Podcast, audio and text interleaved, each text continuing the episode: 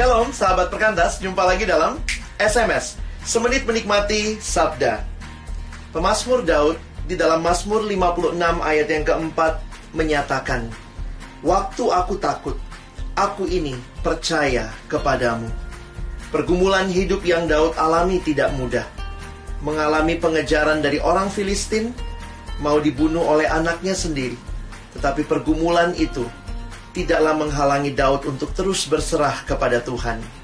Keindahan hidup bukan hanya ketika kita melaluinya tanpa pergumulan, tetapi ketika di dalam pergumulan itu kita pun menyadari ada Allah yang senantiasa menyertai dan melepaskan kita dari berbagai pergumulan hidup. Kiranya keindahan hidup boleh kita alami karena hadirnya Allah menyertai perjalanan kita. Sampai jumpa.